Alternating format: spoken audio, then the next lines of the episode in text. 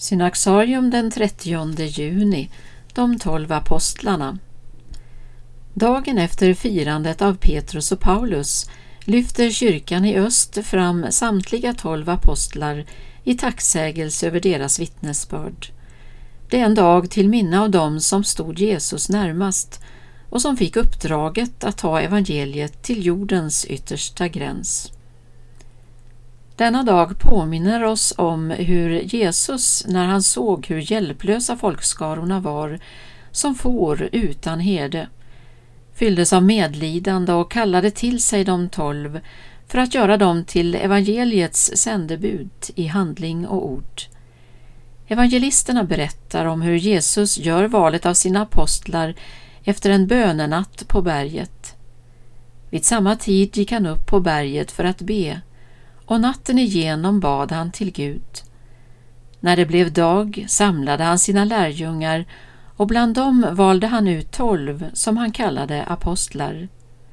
Simon, som han också gav namnet Petrus, och hans bror Andreas, Jakob, Johannes, Filippos, Bartolomaios, Matteus, Thomas, Alfaios son Jakob, Simon som kallades Seloten, Jakobs son Judas och Judas Iskariot, han som blev förrädare.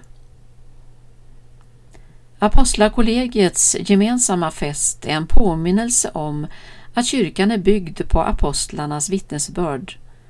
Som vittnen till Jesu liv, allt ifrån dopet i Jordan till hans uppståndelse, är de den kristna trons främsta beskyddare.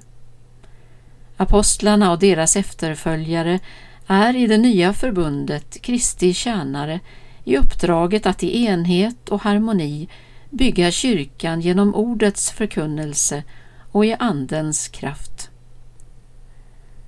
Uppdraget är dock endast en konsekvens av apostlarnas främsta kallelse att vara med Jesus, att leva med honom och i honom.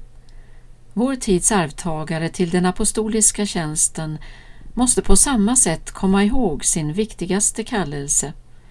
Bara den som lever nära Jesus kan vara människornas vägvisare till frälsningens källa, Kristus, som själv är evangeliet.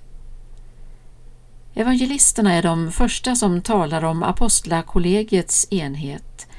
Enheten mellan kyrkans ledare är en förutsättning för ett trovärdigt vittnesbörd om försoning och frid.